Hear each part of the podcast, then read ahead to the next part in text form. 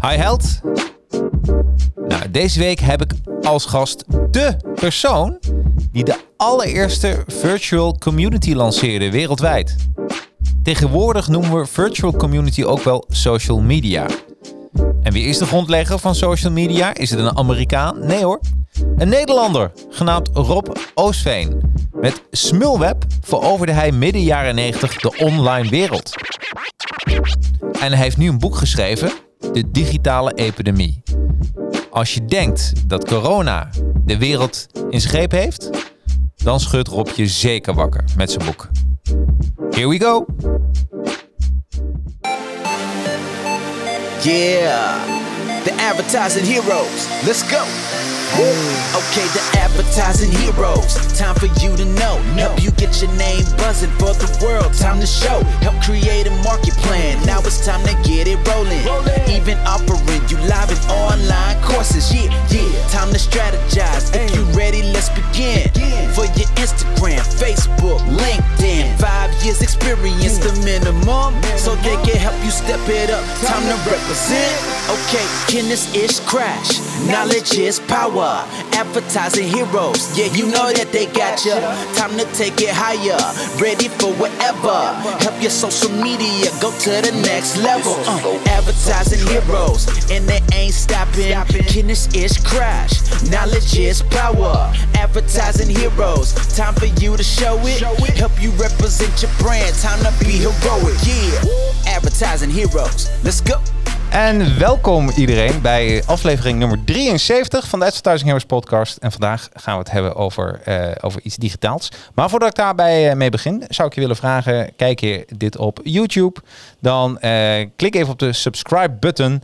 En, en klik even op dat belletje, die notifications. Want als we dan inderdaad live gaan, dan krijg je meteen een notification dat we live gaan. Hoe leuk is dat niet? en ehm, ja, en ook iedereen welkom op LinkedIn, op Facebook. Ehm, en natuurlijk ook op YouTube. Hè, want daar eh, worden we ook uitgezonden. En alle podcastluisteraars. En dan praten we over Podbean, uh, Spotify, Apple Podcast. Nou, echt, uh, je kan ons bijna niet meer missen.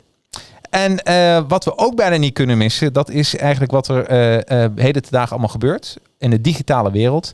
En uh, het mooie is dat ik daarover natuurlijk weer niet alleen ga praten, anders wordt het weer zo'n monoloog. Nee, ik heb, ik heb vandaag een gesprek met iemand die zich daar helemaal in heeft verdiept. Zijn geest is gescherpt daardoor.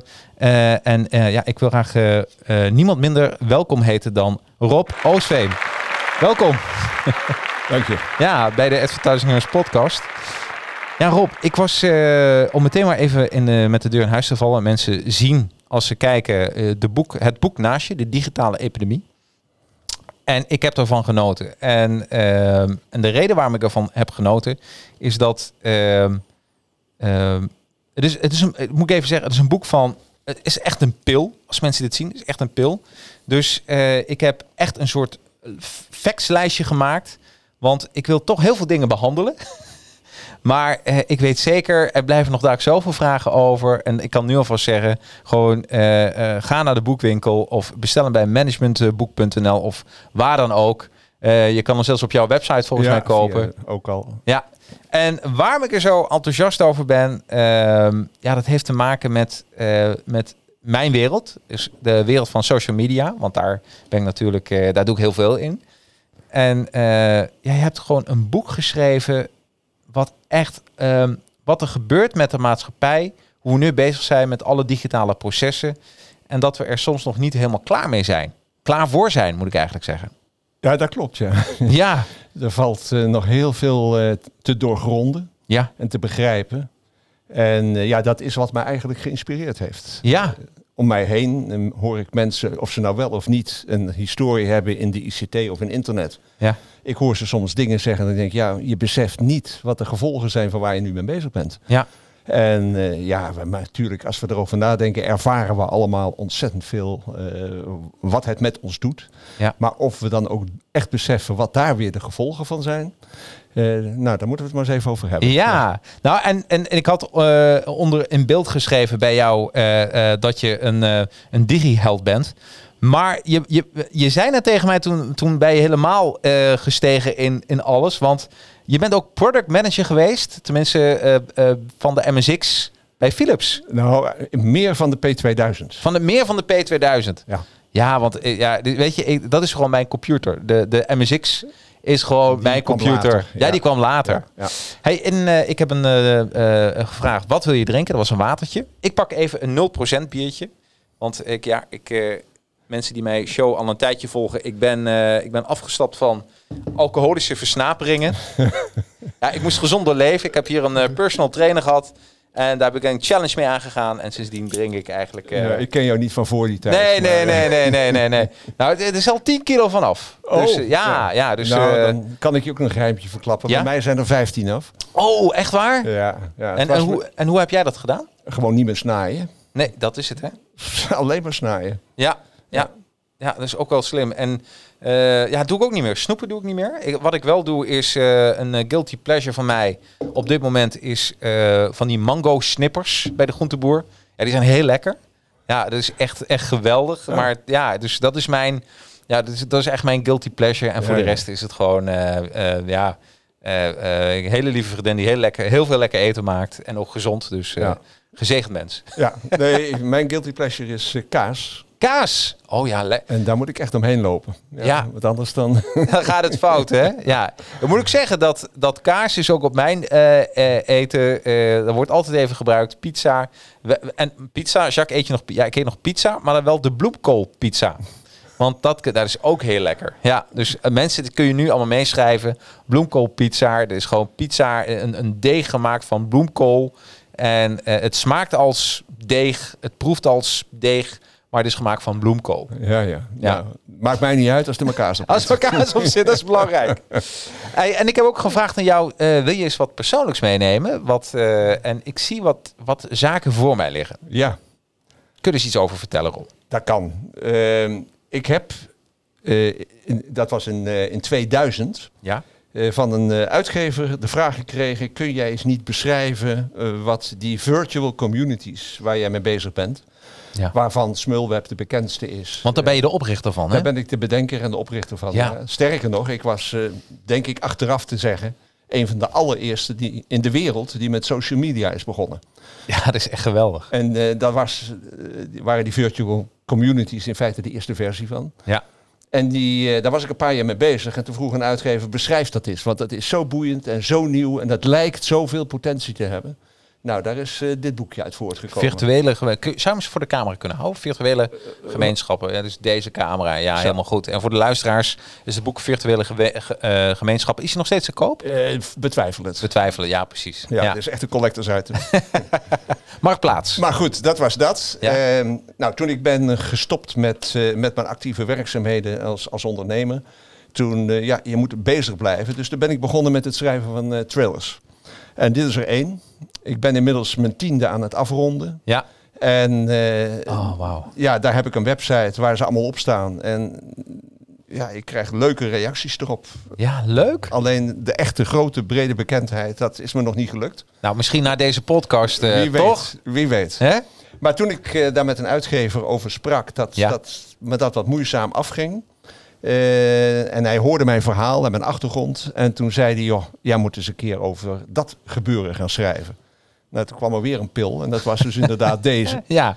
En eh, ja, dat, eh, daar kon ik mijn hart in luchten. Ja. En ik schrijf nog iedere week een column die op mijn website geplaatst wordt en op LinkedIn. Ja. En, want het gaat maar door. En dat zal ook nooit ophouden. Er is zoveel te doen op het gebied van digitalisering.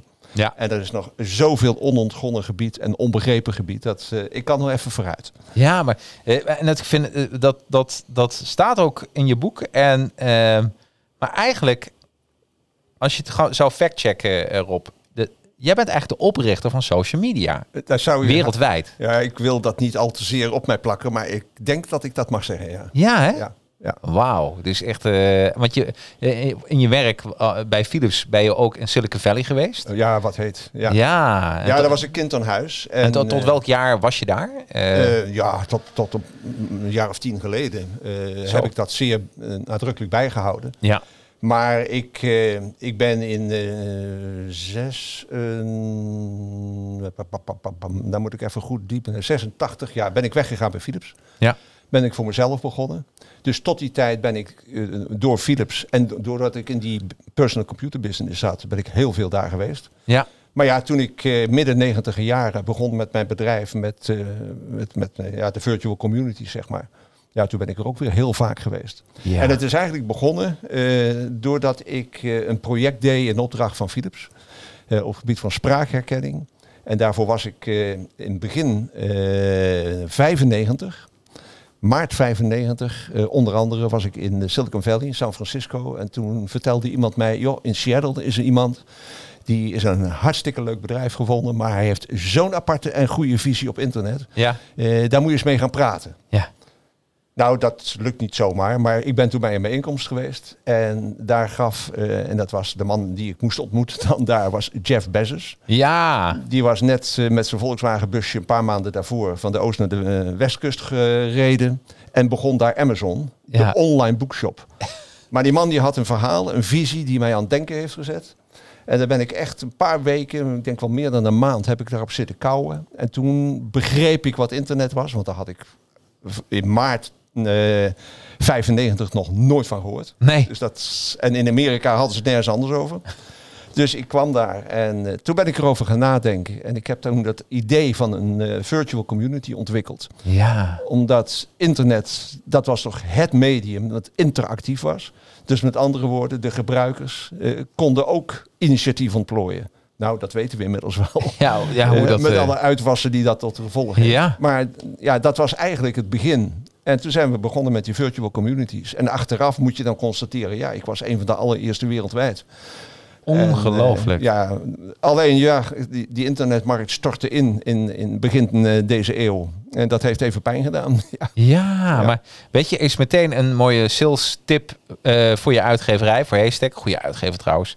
Zet gewoon even een sticker op, geschreven door de oprichter social media of de, de, de initiatiefnemer van social media. Want dat is wel een dingetje hoor. Ik bedoel, eh, ja, initiatiefnemer is een groot woord. Maar in ieder geval, wij waren al uitgebreid ermee Ja. bezig. Toen eh, in eh, begin deze eeuw in Nederland Hives ontstond. Ja.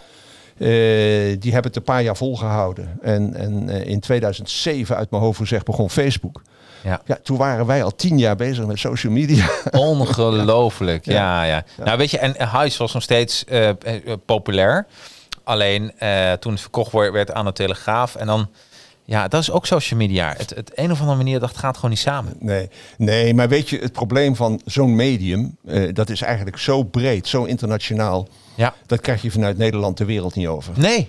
Dat is kansloos. Dus Nee, we hadden het hier 100%. best wel leuk kunnen Ja. doen, maar dat had geen impact gehad op de wereld. Nee. En Nee. dat is ook een beetje de handicap, en dat komt ook in mijn boek wel naar voren. Eh, als Europa zijnde valt het niet mee om een positie in de wereld in te nemen. Nee. En, en zeker niet omdat Europa zo vreselijk versnipperd is. Ja. En dus ook ja, allerhande digitale initiatieven dat zijn. Met een hele enkele uitzondering. Zoals een Booking.com. Maar Voor de rest niet. een Nee. tweede of een derde zou ik op dit moment niet kunnen noemen. Hoe ben je eigenlijk aan de inspiratie gekomen eh, eh, als we het hebben even over de titelverklaring, hè, de digitale epidemie? Waarom heb je gekozen voor, voor deze titel? Nou, dat heb ik niet gedaan. Dat heeft de uitgever gedaan. Oké, ja. Ja, die, eh, ik had een werktitel en eh, die vond hij niet prikkelend genoeg. Ja. En eh Mag ik weten, wat was die werktitel? als sla je me dood. Dat, dat zou trouwens wel een mooie werktitel zijn. Ja, misschien ook nog wel toepasselijk ook. nee, dat weet ik niet meer wat de, wat de werktitel was, moet ik Nee. eerlijk zeggen. Eh, maar heel snel kwam hij met het idee van de digitale epidemie. Ja. Ook omdat het boek was eigenlijk eind vorig jaar al klaar. Ja. Eh, alleen, ja, voordat het dan eh, in, in druk klaar is en uitgegeven kan worden, gaat er even wat tijd overheen. En intussen kwam corona. Ja. Dus ik heb als, eh, ja, met, met, met hoge snelheid nog even wat aanvullingen geschreven richting corona. Dus dat is ook wel meegenomen in het boek. Omdat digitalisering en corona, dat heeft zoveel met elkaar te maken. Want stel dat we die digitalisering niet hadden gehad, dan had, hadden de gevolgen van corona er even anders uitgezien. Nou, en eh, ik, vond, ik, was, ik heb het boek eh, natuurlijk helemaal gelezen. En eh, ik vond het echt een briljante titel. En de reden is, en dat is, maar dus, dat is mijn interpretatie als lezer. Hè? En dat is toch altijd misschien anders dan auteur. Ja. Maar ehm, wat ik zo goed vond aan, of vind aan de titel, de digitale epidemie, is dat corona heeft ons overvallen. En dan natuurlijk wat sneller. In een paar maanden tijd is er heel veel gebeurd. En we waren er als land gewoon, als wereld, niet klaar voor. Ja. En als ik jouw boek lees, de digitale epidemie, eh, en natuurlijk is het proces, dat gaat jaren, dat is niet maanden, maar jaren. Maar we, we, we reageren daar op de digitale epidemie net zo op als bij corona. Van het overkomt ons. En, eh, en je hebt heel veel voorbeelden in je boek hoe het helemaal fout kan gaan. Maar ook daar weten we nog geen antwoord op. Nee. Dus ik zie, zag een parallel tussen het, de, hoe, de snelheid van corona. En als je een beetje uitzoomt, ook de snelheid van, van de, digi, di- ja, de digitale epidemie. Ja, nee, dat klopt. Het probleem van de digitalisering is dat het een soort sluipmoordenaar is. Ja, Eh, er gebeuren van allerhande dingen en we hebben het helaas nog veel te weinig in de smiezen.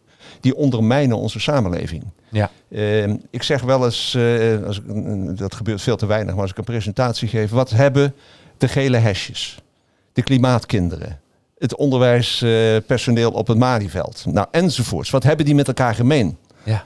Dat is maar één ding. Nou ja, één ding. Waarom dat allemaal zo gebeurt, Ja. dat komt door de digitalisering, door de sociale media. ja. Men is in staat om elkaar te vinden, te mobiliseren. Men kan eh, ja, meningen, ervaringen uitwisselen. Al dan niet goed, al dan niet terecht, maar het gebeurt. En de overheid weet hier niet mee om te gaan. Nee. En dat is het grote probleem. Dus ze worden iedere keer verrast. En dat zal alleen maar erger worden. En dat is dus een beetje waar ik me zorgen over maak. Ik zie heel veel processen in de maatschappij waarbij eh, zeg maar het individu zodanig de overhand krijgt dat de ontvanger van berichten, van informatie, eigenlijk niet meer weet waar die aan toe is. Nee. Eh, zaken als nepnieuws, complottheorieën, noem maar op.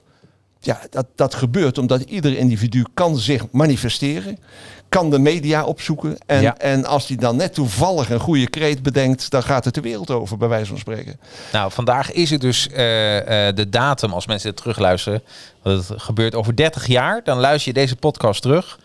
En dan, eh, en dan denk je, goh, wat voor datum is er nou opgenomen? Dit, dit is de datum dat Donald Trump waarschijnlijk niet doorgaat als president. En Joe Biden president wordt. En waarom ik dat zeg, is dat ik, ik heb het gevoel dat, dat Trump president is geworden door de digitale epidemie. Ja, absoluut. Hè? Absoluut. Ja. En dat heeft ook een beetje te maken. En, en eigenlijk moet ik tegen mijn zin in hem daarin toch een beetje prijzen. In, of prijzen, maar in ieder geval. eh, hij heeft iets gedaan wat de rest niet gedaan heeft. En dat is namelijk heel slim gekeken. Wat zijn de doelgroepen waar ik het moet halen? Ja. Waar haal ik het sowieso niet? Waar heb ik geen kans? En hij heeft de digitale media, de sociale media, en dat is met name die Steve Bannon geweest, die heeft hij heel slim ingezet of laten inzetten. Waardoor hij in ja, wat dan tegenwoordig heet de swing states. eh, ja, het, het, de macht greep, hè, de, Ja. de, de stemmen haalde. Ja. Terwijl landelijk gezien had hij, maar dat is nu ook een paar miljoen minder dan, dan zijn eh, tegenkandidaat. Maar hij wist dat heel goed te richten. Nou, dat was alleen maar mogelijk met digitale media. Want daardoor weet je niet alleen wie wat waar zit, maar ook hoe je ze kunt bereiken. Ja. En nou goed, en hoe je mensen kunt bereiken en hoe je ons in de wereld in kunt helpen, dat hebben we via Twitter kunnen meemaken. ja, maar dit is, wel, dit is wel wat er gebeurt. En er is ook een ander mooi boek, heet eh, De Facebook Effect. En er, daarin le- le- lees je bijvoorbeeld dat Syrië, wat met Syrië gebeurd is, echt door social media is gekomen. Ja, en niet alleen daar. hè. Nee, nee, Wereldwijd. wereldwijd. Wat er gebeurt. Ja. Dus eh, eh, ja, en het vervelende tegenvoorbeeld dat ik moet geven is dan, als je kijkt naar China. ja. eh, in China hebben ze wat minder scrupules dan we hier hebben. Ja. En daar hebben ze ook middelen die straks echt hierheen komen, waar we nog totaal niet op voorbereid zijn. Denk aan kunstmatige intelligentie. Ja. Denk aan beeldherkenning. Je hoeft daar niet door een stoplicht te lopen, want ze hebben je te pakken. Ja. Nou, dat is een heel extreem. Maar China zet de sociale, maar vooral de digitale media in op een manier waardoor ze controle houden over wat er met, eh, ja, met de samenleving gebeurt, wat de mensen al dan niet doen. Ja. Wij hier zijn zo druk bezig met zaken als privacy en, en vrijheid van meningsuiting, dat we volkomen doorslaan. Ja. En het niet meer praktisch is. Want ook al die nepnieuwszaken, die complottheorieën, eh, QAnon en, en enfin, noem ze maar allemaal op, al die initiatieven. Eh, eh, wat, wat, wat die mensen nu roepen over dat coronavirus, dat dat fake is en noem maar op. Dat is allemaal mogelijk omdat die sociale media hen die kans geven. Ja. En ja, wij hebben er geen antwoord op. Maar dat is ook een vorm van vrije meningsuiting. Alleen vind ik, moet je dan toch eens wat qua regelgeving en wetgeving strenger gaan kijken. Want het bewust verspreiden van absoluut bekende foute feiten. Met alle gevolgen van dien. Ik vind dat dat niet bij vrije meningsuiting hoort. Nee, eigenlijk. Maar dit is, dit is wat er gebeurt bij een epidemie. Hè. Je wordt aangevallen door een cel waar je lichaam niet op is berekend. Ja. En dat is, daarom vond ik die vergelijking nog steeds heel goed. Eh, jouw boek bestaat uit eh, zes hoofdstukken. Eh, en, eh, maar ik heb hem een beetje jouw boek gelezen als een soort drie-acter. Oh. Ja, en ik zal vertellen eh, waarom. De, de eerste act is voor mij de status quo. Dus wa- wat gebeurt er, wat gebeurt er op dit moment? Ehm, eh, de tweede acter is de problemen die opstaan door de, of die er zijn door de digitale revolutie. Dus dan, dan, dan, dan, dan zeg je van ja, dit is er dus gebeurd. Ehm, maar dit zijn de problemen. Status quo 1. Twee dan, ja, dit zijn de problemen die er nu ontstaan. En eh, drie ehm, eh, is eigenlijk de, de, jouw aangedragen oplossingen. Nou ja, oplossing gaat, zijn grote woorden. Maar in ieder geval de richting de richting, de richting. Ja, ja. Ja. je, je, je stuurt ze een bepaalde kant op van, eh, nou, dit zou, dit zou heel goed zijn. Dus zo heb ik het gelezen. Nou, status zo was het ook bedoeld. Ja, toch? Ja, nou. Ja. Ehm, ehm, en als we even kijken naar hoofdstuk 1, de terreinverkenning, hè, die status quo. Ja, ho- hoe vind je dat wij als land en overheid omgaan met deze digitale epidemie? Eh, Ja, hoeveel uren hebben we? Over uur. Ja, het probleem is dat. ehm, kijk, wil je de digitalisering en de gevolgen daarvan, wil je die in de hand houden, dan moet er van bovenaf ingegrepen worden. Je kunt het vrije medium, want internet is een open en vrij medium, kan je niet zijn gang laten gaan. Want we weten inmiddels wel wat er dan allemaal aan gevolgen aan kunnen hangen. Ja. Dus je moet er toch wel enige grip op krijgen en vooral houden. En daar moet meer aan gedaan worden. Ik vind bijvoorbeeld dat heel veel eh, regelgeving, wetgeving, regelgeving die er is, die stoelt nog op de oude wereld, de fysieke wereld. Maar in de digitale wereld gebeuren dingen op een totaal andere manier. Moet je ook anders mee omgaan. Heb je andere wetten voor nodig. Ja. Dus als ik daar naar kijk, dan zeg ik ja, eh, waar staan we met de digitalisering? En ik, ik ben bang dat we op dit moment er heel weinig grip op hebben. Kun je eens een voorbeeld noemen waar het echt knelt? De pijnen? Ehm, nou, ik, ja, waar, wa- een stokpaardje van me. Ja? Ehm, je kunt bijna geen initiatief nemen, of het nou een corona-app is of iets anders, of het woord privacy valt. Ja, absoluut. En iedereen heeft het over privacy. Ik vraag me af of de mensen weten wat, ze, wat het is en of ze ook doorhebben wat ze ermee bedoelen. Ja. Maar als je daadwerkelijk erg gesteld bent op je privacy, dan heb ik wel een advies. Dan moet je beginnen met eh, je telefoontje weg te doen. Nooit meer te googlen. Niks meer online te kopen. Sociale media te mijden. Zelfs niet meer met je eigen auto ergens heen rijden. Nee. Want, en dan heb ik het nog niet over wat er allemaal zit aan te komen. Maar Ja. alles wat een online verbinding heeft, genereert data. Ja. En daar zitten ze met z'n allen eh, het moeilijk te doen. Ook, ook de autoriteit persoonsgegevens over de, de corona-app. Ja, maar de privacy en al. Ach mensen, die gegevens die daarmee bij de overheid misschien terechtkomen... Ja. liggen al op duizenden plaatsen. Totaal ongecontroleerd. Dus waar, waar hebben we het over? Dus ik, ik vind dat hele privacy-verhaal in de digitale wereld, eh, dat moet veranderen. Natuurlijk, we, zijn, we willen privacy. We willen niet dat er van alles en nog wat op ons afkomt. Maar als je nou kijkt eh, dat bedrijven breed uit, on- onbeperkt gegevens kunnen verzamelen. Dat wordt allemaal geautomatiseerd. Er wordt steeds meer kunstmatige intelligentie op losgelaten. En wat je dus ziet gebeuren is dat, eh, of het nou Facebook is, of Amazon, of Apple. Ze hebben zoveel gegevens, die gaan ze gebruiken om jou te voorzien van informatie, advertenties, producten. Maar dingen die ze op basis van die gegevens verzamelen. Maar ik word dus daardoor automatisch in een soort hoekje geplaatst. Als ik een keer, eh, eh, een, een, omdat een voetbalclub een sekssite als, als partner, als sponsor heeft. En ik denk, ja, wil er wel eens even wat van zien. Ja. Heel apart. Ja. En ik ga er naartoe, dan heet ik in die database, hij is geïnteresseerd in seksspullen. Nou, Ja. Enzovoorts. Nou, in de politiek, idem dito. Als ik eens een keer naar een site ga om me wat breder te oriënteren, plotsklaps heb ik dat plaatje op mee. Ja. Nou, wat gebeurt er? Die bedrijven die hebben dus mechanismen waarvan ze vaak zelf al helemaal niet meer doorhebben hoe die werken. Ja. En dat is geen verhaal wat ik bedenk, maar dat komt van medewerkers van die bedrijven die zich daar zorgen over maken. Die bedrijven die hebben die gegevens, die gaan ermee aan de slag en die plaatsen mij in een bepaalde positie en ik krijg dus vervolgens alleen nog maar datgene wat zij willen wat ik krijg. Maar of dat bij mij past, ik weet het niet. Maar ik word er wel heel eenzijdig door geïnformeerd en benaderd. Dit, noem je de filterbubbel Ja, waar je dan in komt. Hoe dan ook, maar ik word in een bubbel geplaatst Ja, en, en zie er maar eens uit te komen. ja, Nou, dat gebeurt dus met heel veel andere mensen ook. ja. En zo krijg je dus in de maatschappij allerhande groeperingen die niet meer luisteren. Althans, niet naar andere meningen. Die kennen maar één mening. En dat is wat Ja, helemaal die eens. weg bij hen terechtkomt. Nou, en dat is, kijk, eh, eh, eh, je wordt versterkt in je mening. En, eh, en op een gegeven moment denk je echt dat de hele wereld zo denkt zoals jij denkt. Ja. Want je gaat, eh, dat is helemaal waar. En dat is, er is ook een mooi boek over geschreven, die heet de filterbubbel.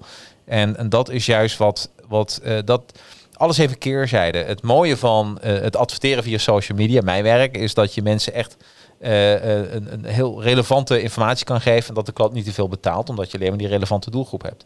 Het nadeel is dat, en dan heb ik het niet zozeer over adverteren, want dat, volgens mij is dat gewoon, eh, als je geïnteresseerd bent in eh, Volkswagen, oké, dan zie je Volkswagen ads voorbij komen. Maar ik vind het veel kwalijker in de organische post, dat als jij een eh, lid wordt van een groep of een ideologie, dat je alleen maar daarin gevoed wordt. Ja. En, en ik denk dat daar, daar, daar zeker wel een, een verbeterpunt zit. Ja. Nee, dat is, dat is echt een pijnpunt. Ja. En als ik dan kijk naar privacy. En, en dan gaat het mij niet zozeer om dat verzamelen van die gegevens. Nee. Dat kan ik daar niet meer stoppen. Nee. Maar waar het me wel om gaat, is dat ik verdomd graag zou willen weten wie wat van mij weet. Ja. En daar doet de overheid op dit moment helemaal niks aan. Nee. Maar dat is het enige wat mij telt. Want dat ze mij van alles van mij weten, dat geloof ik wel. Dat kan ik niet tegenhouden.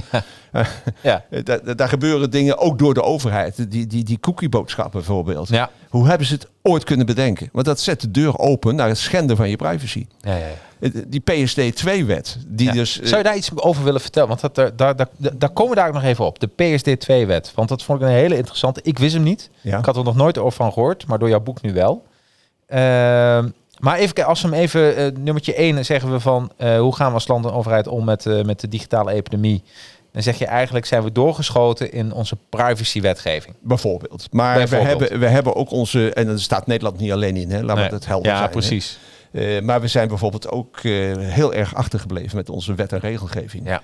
Eh, er worden allerhande processen gevoerd, discussies gevoerd, ook in de Europese, door de Europese Commissie met, met de Facebooks en de Apples en de Amazons van deze wereld, eh, Google enzovoorts. En die krijgen dan allemaal boetes, en, maar dat lost niks op. Nee. En, en dat is dus een beetje wat, wat ik ermee heb. Is pak het nou eens bij de kern. Ja, ik ben sowieso erg rationeel ingesteld. Ja. Dus ik, ik wil altijd vanuit de kern begrijpen wat er speelt en dan maatregelen nemen. Ja, maar je kan het ook niet stoppen. Het is vooruitgang. Ja, Toch? dit- is, eh, dit is een complete vooruitgang. Alleen eh, net wat je zegt, je moet wel weten wat gebeurt er en wat is het effect van die vooruitgang. Ja.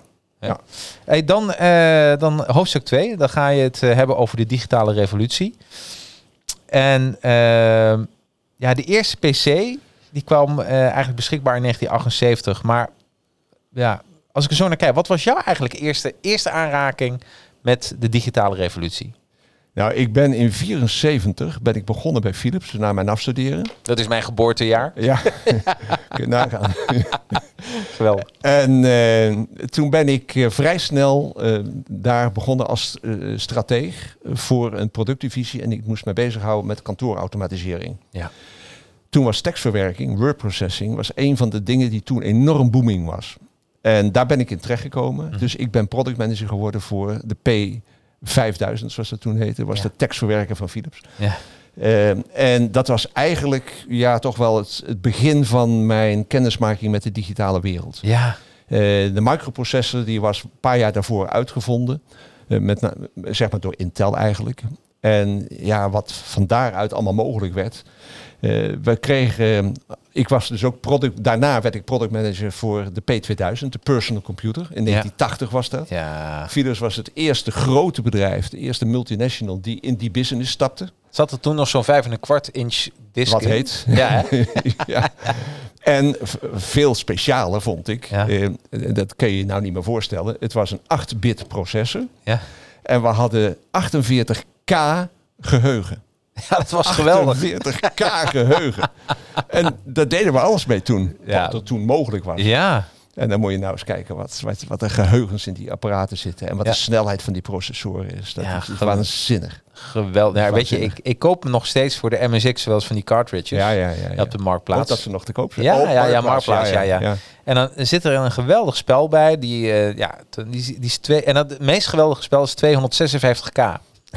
Het is toch wel- KB dan, hè? Ja, KB, ja, ja. Maar 200 en dat ik echt denk van dit is dit is Hoe krijg je het erin? en, en, dan, en, dan, eh, en dan leg je ook aan mensen uit als je nu een foto maakt met je mobiel. Dat is meestal een paar M- eh, MB. Ja.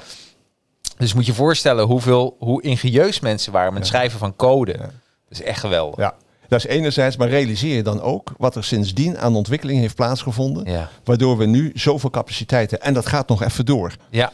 Dus die, die, PC's, maar die chips, die microprocessors, die worden zo krachtig. Ja. En wat dat voor invloed heeft op, op dit soort apparaten. Ja. Mobiels. Eh, eh, op je mobieltje. mobiel, want ja. Dat, eh, er kan geen mens meer zonder mobieltje. Alles zit in dat mobieltje straks. Ja. En die capaciteiten die, en die snelheden, dat wordt waanzinnig. Nou, je hebt nu al de Samsung S10. Daar heb je al een, een desktop dock voor. Dat als je hem in je, in je in de dock zet, dan heb je opeens een, een, een computer. Ja. Dus, nou, ik eh, heb in mijn boek eh, geprobeerd wat voorspellingen te doen over Ja, ja, ja, ontwikkelingen. en een van de dingen was ook dat ik zei, er komt een, een beeldscherm wat je kunt oprollen of opklappen. ja. En verdomd, eh, sinds een maand of twee, drie heeft? Samsung zo'n openklapbaar ding, Ja. waardoor je beeldscherm groter wordt. Ja. Ja, en dadelijk heb je ook geen tablet of zo meer nodig. Dan zit alles in, die, in, in, die, eh, in dat mobieltje. Ja, en je moet je eens realiseren wat, wat er allemaal in zit. En je zult het verliezen. En er zal een ander toegang toe hebben. Nou, daar word je niet goed van. Nou, ik, ik weet, eh, volgens mij, volgens mij is, is eh, het, de mobiele telefoon, daar zijn mensen nu mee vergroeid. Ja. En als je dat bekijkt, want in 2007 volgens mij kwam Apple ermee met de eerste iPhone. Ja, ja. Je, kan nou, je kan nou een wereld zonder mobiele telefoon niet meer voorstellen. nee. En een smartphone. En het grap wat ik de ironisch vind, dat bijna niemand meer belt met, met een mobiel. dat vind ik wel grappig. Ja, Ja, ja. maar het is echt het is een computer device. Hè? Ja.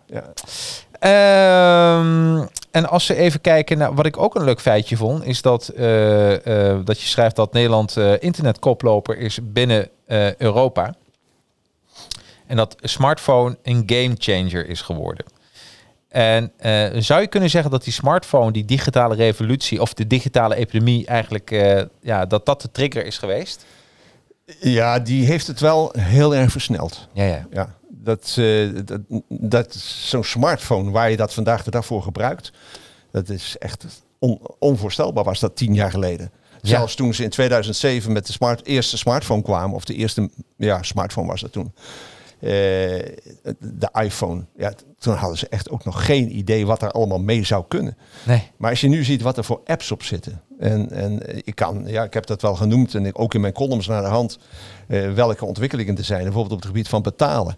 Eh, Ja. want als je nu naar een winkel gaat, het is soms ook wel ergerlijk. Dan sta je in de rij in de kassa en daar staat vooraan iemand te klooien met, met zijn mobieltje. Want daar moet hij zo'n zijn ding voor de, voor de een- scanner houden. En dan moet Ja, hij ermee precies. betalen. En dan moet hij zijn pas pakken. En Ja. dat is allemaal overbodig straks. Ja. Straks hou je dat ding erbij klaar.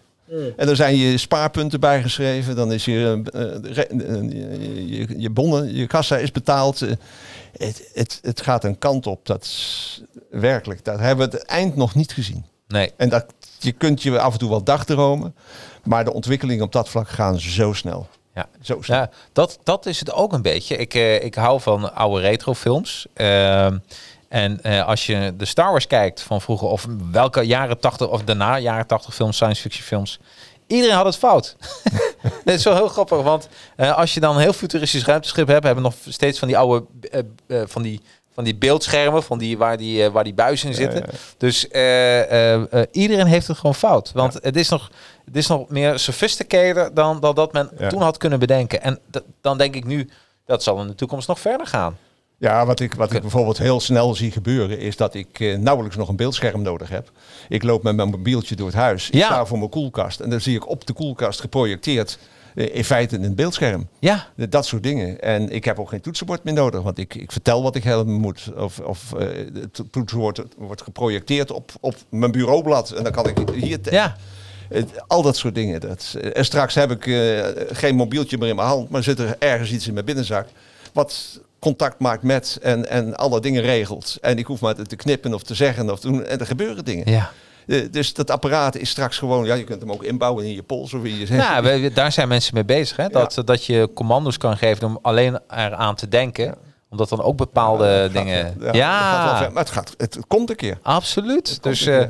hey, en, eh, eh, en dan gaan we even naar hoofdstuk nummer drie. Ehm, en dan bouwen we mooi op. Dat is waar en hoe digitalisering wordt toegepast. Ja, en dan hebben we het toch even over, over mijn vakgebied, social media. En social media en vrijheid van meningsuiting. We hebben het er al even over gehad. Ehm, maar het gaat nog verder. Want eh, je schrijft ook eh, de raakvlakken. Waar gaat het eigenlijk allemaal een beetje fout? Of waar komen die pijnen? Bijvoorbeeld medisch. Eh, medisch, de corona-app. De privacy-wetgeving. Ja. Hè, van ja, hoe moet je dat eigenlijk gaan oplossen? Ehm, en je ziet ook een verandering. Je, je, je schrijft over eh, ja, kopen. Normaal kopen, dat is e-commerce geworden. Eh, ik heb er zelf even bij gezet. Social omgang, dat is social media geworden. En eh, gratis, ja, dat is een nieuwe verdienmodel geworden hè, voor, voor veel techbedrijven. Dat is Ja. ook echt iets wat veranderd is, hè? Ja, maar daar worden, ze- dat is ook een heerlijke verleider. Ja, Ehm, kijk, in het kader van privacy bijvoorbeeld, hè, je kunt op een gegeven moment gaan kiezen. Je kunt zeggen, oké, ik wil op een website bepaalde dingen kunnen doen of informatie ophalen. En kan ik pak een krant.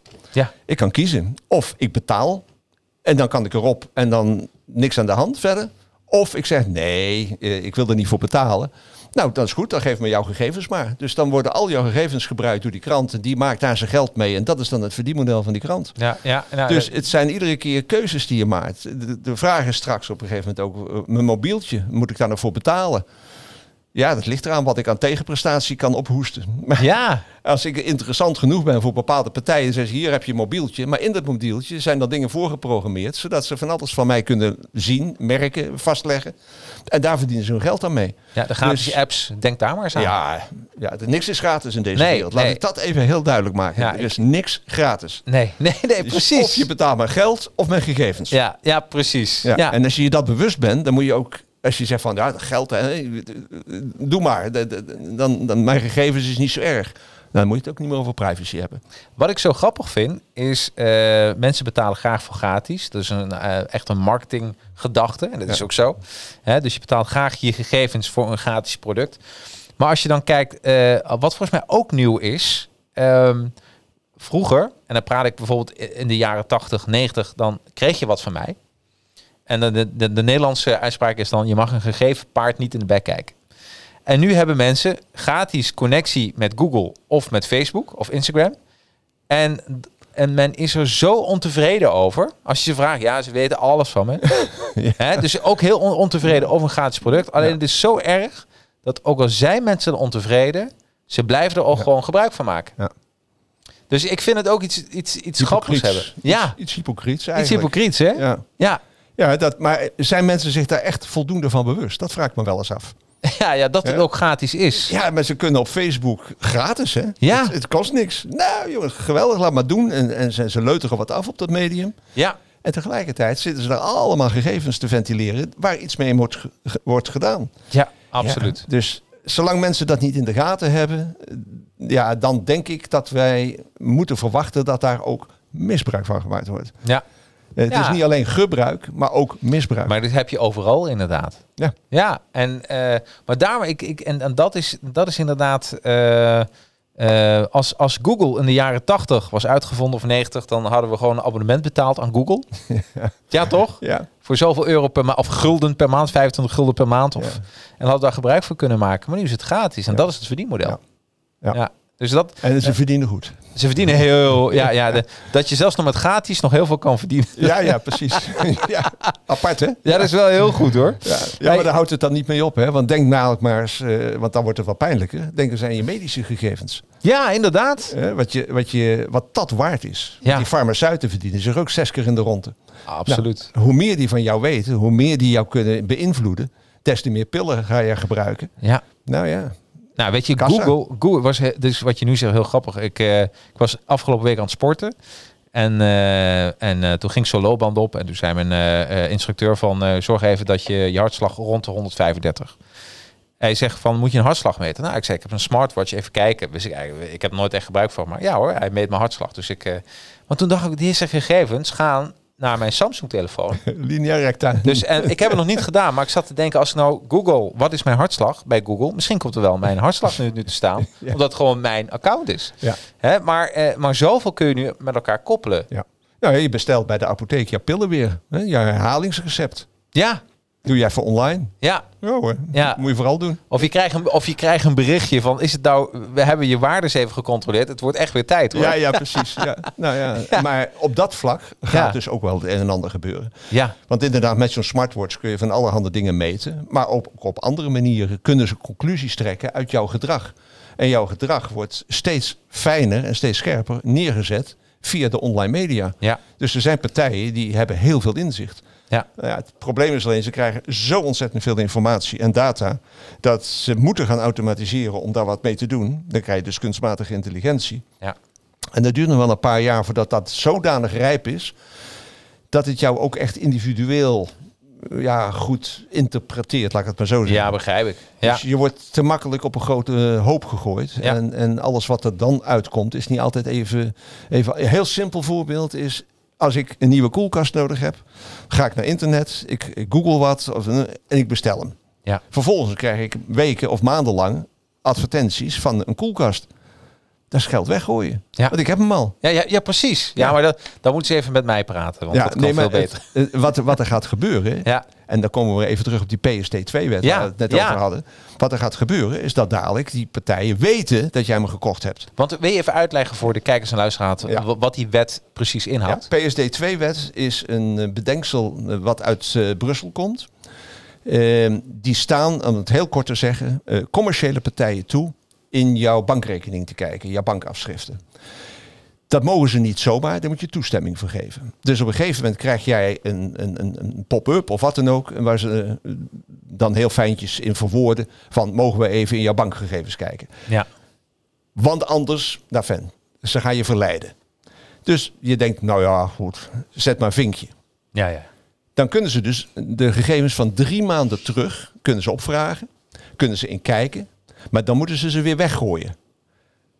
Maar ze zitten helemaal niet te wachten op al die data. Nee. Ze interpreteren die data en die interpretaties houden ze vast. Precies. Dus ze weten wat jouw inkomen is. Er wordt een profiel van jou gemaakt. Ja, financieel profiel. Ja. En de overheid, eh, ja, Nederland volgt dan Brussel in deze, dus Ja. Europees. eh, die PST2-wet staat dus toe aan commerciële bedrijven. Ze moeten wel een beetje aan voorwaarden voldoen enzovoort.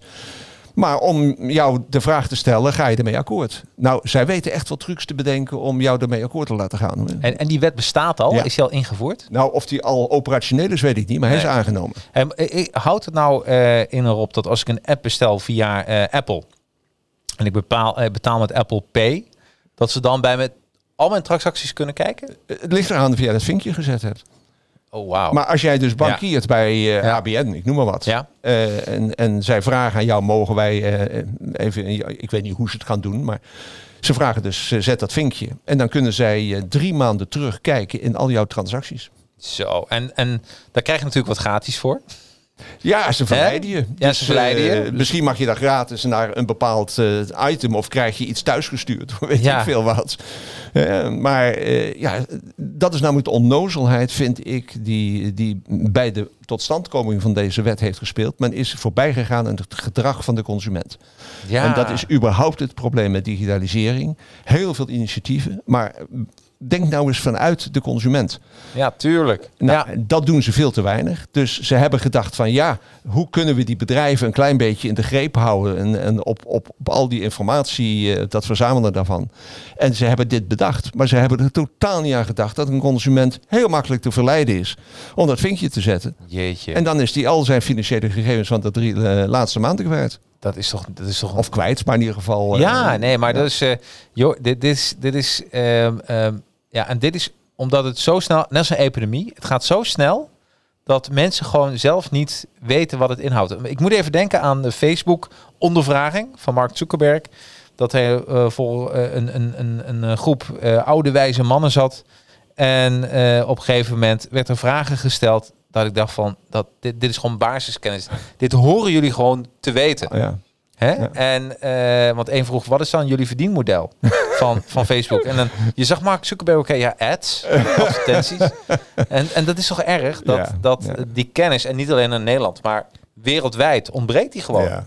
Nou ja, maar goed, dat heeft ook een beetje met generaties te maken. Ja. Eh, maar ik zeg al, ik heb eh, mensen gesproken die jaren al in de internetbusiness zitten. ja. En als ik ze dan vertel van een paar zaken zoals ik in mijn boek beschreven heb, dan zijn ze zich daar helemaal niet van bewust. Nee. Die zijn zo in die, met die techniek bezig. En van ja, maar dit kan toch en dat werkt toch. En de, de mensen gebruiken het, dus er is behoefte aan. Ze zeggen, ja, maar daar gaat het niet om. Het Nee. gaat erom wat de gevolgen daarvan zijn. Precies. En of de mensen beseffen wat die gevolgen zijn. Ja. Nou, en dat, dat is dus het kritieke punt. En dat is mijn grote probleem met zoals de digitalisering zich ontwikkelt. Ja. En eh, dat ik vind dat de overheid daar veel proactiever moet zijn. En dat ze op een andere manier naar de digitale wereld moeten kijken dan ze nu doen naar de fysieke wereld. En eigenlijk beschrijf je dat ook, maak even een klein sprongje naar je laatste hoofdstuk. Ehm, want dan kom je ook echt met oplossingen. Ehm, ehm, want dan heb je het over misschien zelfs een ander politiek stelsel. ja, Ja, hoe kom je erop? Hè? Ja, hoe kom je erop? Kun je, Ja, dat, kun je dat eens toelichten? Hoe, hoe, zie, vanuit- je, hoe zie je dat voor je? Ja, eh, vanuit de digitalisering weet je dat eh, het individu invloed kan uitoefenen. Ja, En uiteindelijk, het politieke, het parlementaire systeem wat wij hebben is 150 jaar oud. Ja. Komt uit een tijd dat eh, mensen in Groningen nog maar net hadden gehoord dat er iets was als Den Haag. Ja. En om zo'n land dan met een democratisch systeem te kunnen besturen, eh, is dus de parlementaire democratie opgezet met een Tweede Kamer als volksvertegenwoordiging voor mensen uit het hele land. ja. Toen had je nog dagen nodig om van Groningen naar Den Haag te komen. Al dan niet te paard of, Ja, wat dan ook. Maar dat is tijd en afstand zijn vandaag de dag geen issue meer. Nee. Dus we hebben wat nu een volksvertegenwoordiger heet, hebben we niet nodig. Nee. Ja, nou ben ik even, daar sla ik even door. Hè? nee, nee, nee, maar ik, Maar, ik, begrijp wat je zegt hoor. Dat is wel de richting waarin je moet Ja. denken. En wat je dan voor oplossingen daarvoor bedenkt om daar te komen of daar met een alternatief te komen.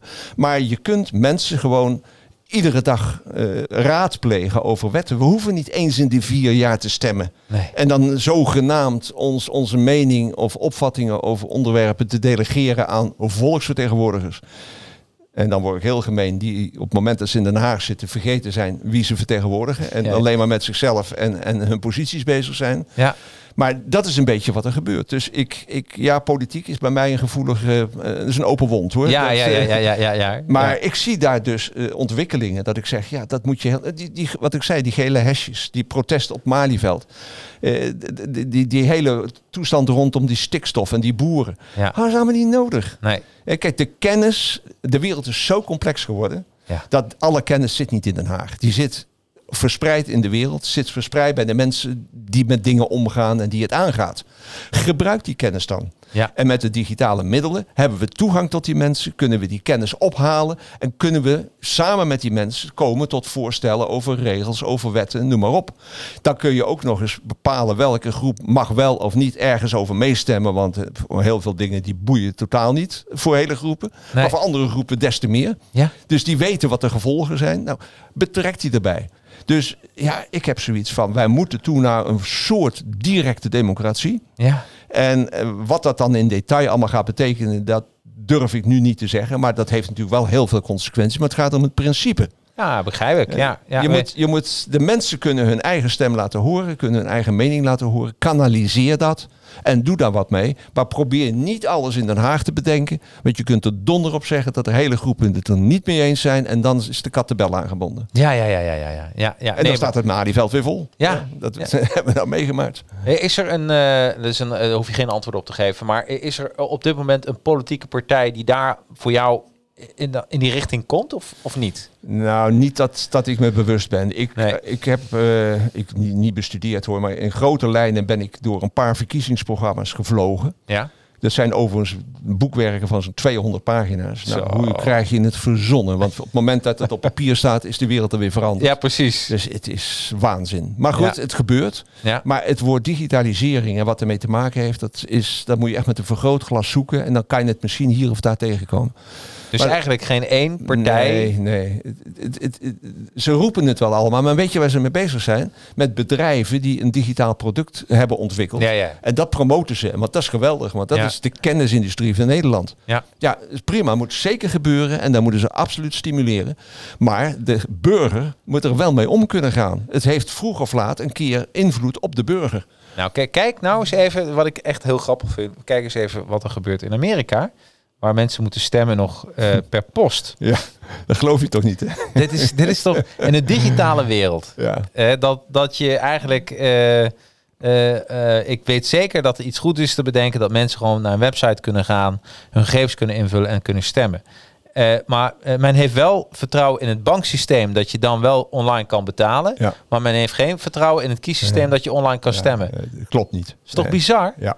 Nou, nou je het daarover begint. Ik, toen ik mijn boek geschreven had, Ja. toen ben ik gaan verder denken over ja, wat zou de overheid kunnen doen om het de burger makkelijker te maken, om de burger te ondersteunen en om bepaalde processen wat meer in de greep te krijgen. Ja. En ik heb een concept ontwikkeld, dat valt bij mij onder de werktitel een burgerplatform. Ja.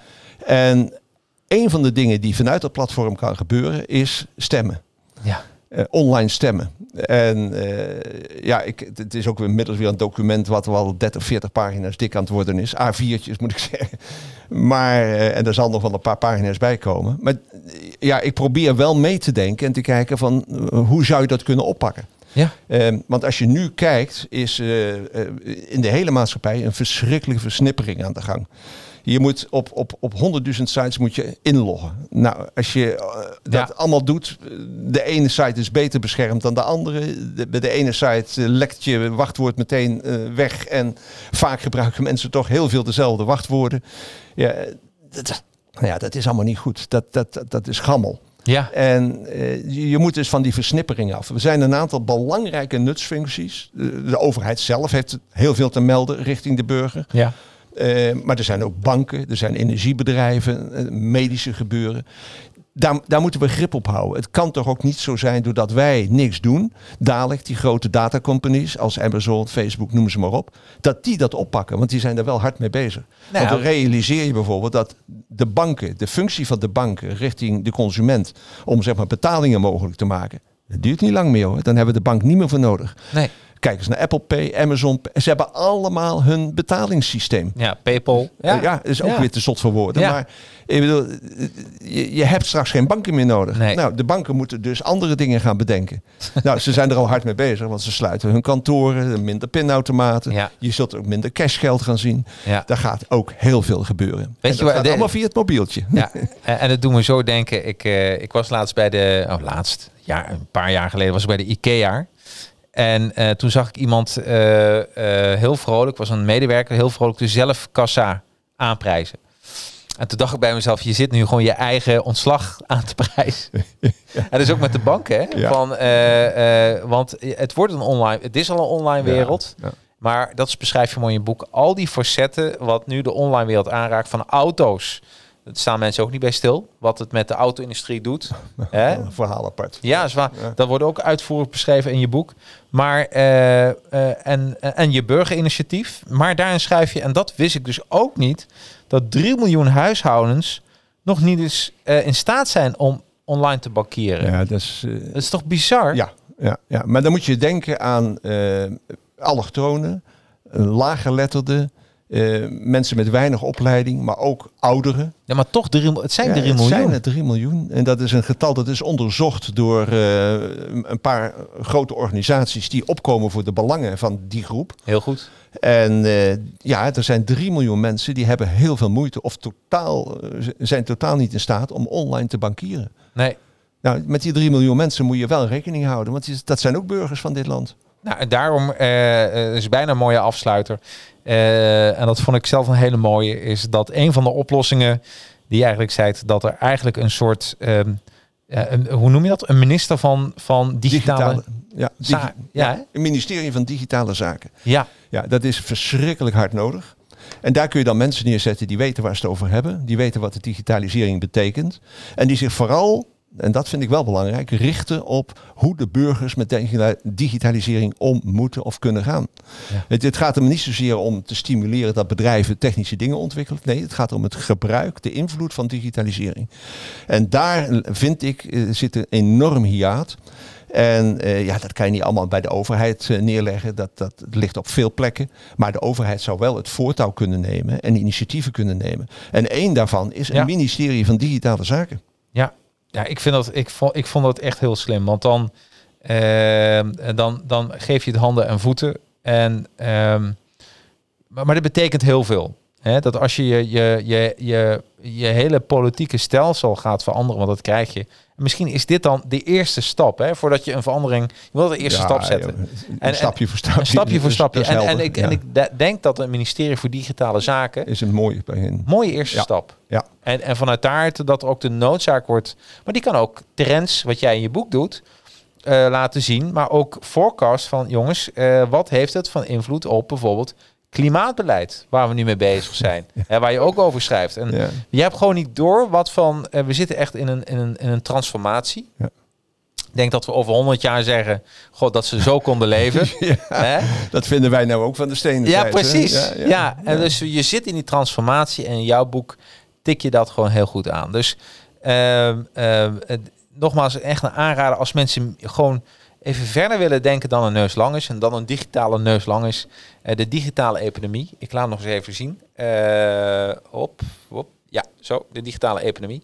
Ehm, en is niet alleen een, een soort. Het is ook als je meer wil weten, dat je denkt van ja, maar hoe zit dat nou? Er staat een complete status quo uitleg in van waar we nu eigenlijk allemaal zitten. En, en ja, de tweede act is waar het pijn gaat doen. Dus dan kun je ook kijken in je eigen branche van eh, wat, wat betekent dat voor mij? Want er komen echt heel veel dingen voorbij. En de derde is dan de oplossing. En, eh, en eh, ja, ik zou het echt willen aanraden. Nogmaals, ik vind dat dus bijna een essentieel boek voor waar we nu in zitten. in, deze, in, dit tijdperk. En vooral als je nu denkt van wat er in Amerika gebeurt, wat belachelijk dat men nog steeds stemt met per mail. Dat is, nou ja, dan, en, ik, ja, en dat boek las ik dus in de tijd waar dit allemaal in gebeurde. Toen dacht ik van, jongens, we zijn echt bezig met een, met een transformatie. En ik denk ook dat je nu die stappen kan maken, ook als Europa zijnde, als Nederland zijnde. De eerste die nu die stap durft te maken, die kan eh, weer heel belangrijk worden als wereldspeler. Ja, we, we- we- ja want eh, dat heb ik ook wel benoemd. In, in China, in, Ja. in, in Azië gebeuren dingen op een bepaalde manier. In Amerika. Europa zit daar tussenin. En er gebeurt veel en veel te weinig in Europa Ja. op dit vlak. Dus of we worden straks door de hond of door de kat gebeten. Precies. Maar eh, we, we moeten iets gaan doen. Ja. We moeten iets gaan doen. En ik denk dat het niet zozeer ligt in welke technologieën kunnen we maken, eh, ontwikkelen, bedenken. Maar vooral in hoe gaan we die technologieën gebruiken samen met de burgers. En als je daar een goede oplossing voor hebt en de burgers daar goed bij betrekt. Dan kun je daar grip op houden. En dan zullen die technologieën hard moeten werken om duidelijk te maken welke rol ze daarbinnen kunnen spelen. En daar ligt um, de bal bij de overheid, zou ik zeggen. En, en dit komt uit de mond van de initiatiefnemer van social media. Dus weet je, als, dus luister nou, want het is, eh, ja, ik ben het helemaal mee eens. Eh, eh, tuurlijk kon ik niet alles bespreken, Rob, want Nee, het nee, is, nee. eh, dat kun je iets bij voorstellen. Maar is, heb je nog iets essentieels? Dus zegt, dit wil ik toch nog benoemen. Nou, eh, dan ben ik nog een paar uur bezig. Nee, Ja. dus er zijn echt heel veel dingen. Maar Ja. ja, ja ik heb daar geprobeerd een, een basis te geven. eh, om mensen inzicht te geven in wat die digitalisering voor hen gaat betekenen. Hoe ze ermee om kunnen gaan. Ik heb op mijn eh, website, eh de digitale epidemie.nl, heb ik eh, iedere week een column. Ja. Daar ga ik in op actuele ontwikkelingen. Om die te duiden en om te laten zien wat die ontwikkelingen dan weer betekenen voor de burgers. En ja, zo probeer ik toch een klein beetje, zolang eh, als ik het zelf bij kan houden, om dat eh, bij te houden en begrijpelijk te maken voor de mensen. En vooral dat laatste, dat, eh, daar is nog wel wat ruimte voor verbetering. Ja. Zeker weten. Nou, hey, hartstikke goed. Nou, bedankt dat je hier wilde komen om Met je boek toe, te lichten. Ja. Nogmaals, de websites, de URL's zijn benoemd. Ik zet ze ook even in de show notes erbij. En eh, eh, het is echt een eh, value for money, kan niet anders zeggen. Heel veel mooie en bruikbare informatie. Dankjewel. Dank. Volgende week, ehm, dan is 13 november, heb ik, mag ik uitnodigen Sanne van Pasen. Het leven, dat is pas topsport. Dus hoe je privé en zakelijk eigenlijk met je business om kan gaan. En wat de parallellen zijn tussen topsport en ondernemen. Ook wel super interessant. Ehm, ja, eh, ehm, ik kan nog even iets zeggen. Iets heel anders. Ik heb eh, een, ook een andere podcast met VPRO, freelance journalist Michael Minnebo. Eh, we hadden net al, Rob had het al over de P5000. Nou, dat past zo helemaal in onze show passen. Want we gaan altijd terug naar de 70s, 80s op gebied van popculture, over computers, over muziek. En waarom we nog steeds blij worden van die tijd. Vind je dat leuk? Vanavond om 8 uur gaan we live. Ook weer op dit kanaal. en, um, of op Retro Smash, als je daar even op zoekt. Op YouTube, op Facebook, dan kom je ons ook tegen. Eén keer per maand hebben we dat. En vanavond ja, staat Halloween, oftewel horror, helemaal in, in de planning. En Daarbij ook hebben we een uh, Carolien Koetsenruiter, ook een, een, een, auteur die vorige week hier te gast was. Die komt ook nog even voorbij. Uh, want die gaat iets meer vertellen over de soundtrack van de Lost Boys. Misschien zeg je dit helemaal niets. Dan denk je van, ja, wat moet ik hiermee? Hoeft niet, dan luister je volgende week weer. Denk je van, hé, hey, er zijn toch wel wat dingen die nu bekend voorbij komen. Ben toch wel benieuwd. Vanavond luisteren en kijken om 8 uur. Nou, dat was het maar weer. Uh, nogmaals bedankt erop. En tot volgende week. Ja, bedankt voor het luisteren van deze podcast. Nou, ik zou het echt geweldig vinden als je deze podcast een aantal sterren of een review zou willen geven via je podcast-app. En volg mij ook via social media. Volg Advertising Heroes op Facebook, Instagram en LinkedIn. Of knikt gewoon met mij via LinkedIn. Zoek op Jacarino. Ik ga het even spellen voor je. J-A-C-A-R-R-I-N-O en zet in de connectieverzoek dat je hebt geluisterd naar de podcast. Nou, ik voeg je dan direct toe. Nou, maak er een heldhaftige week van. Hoi!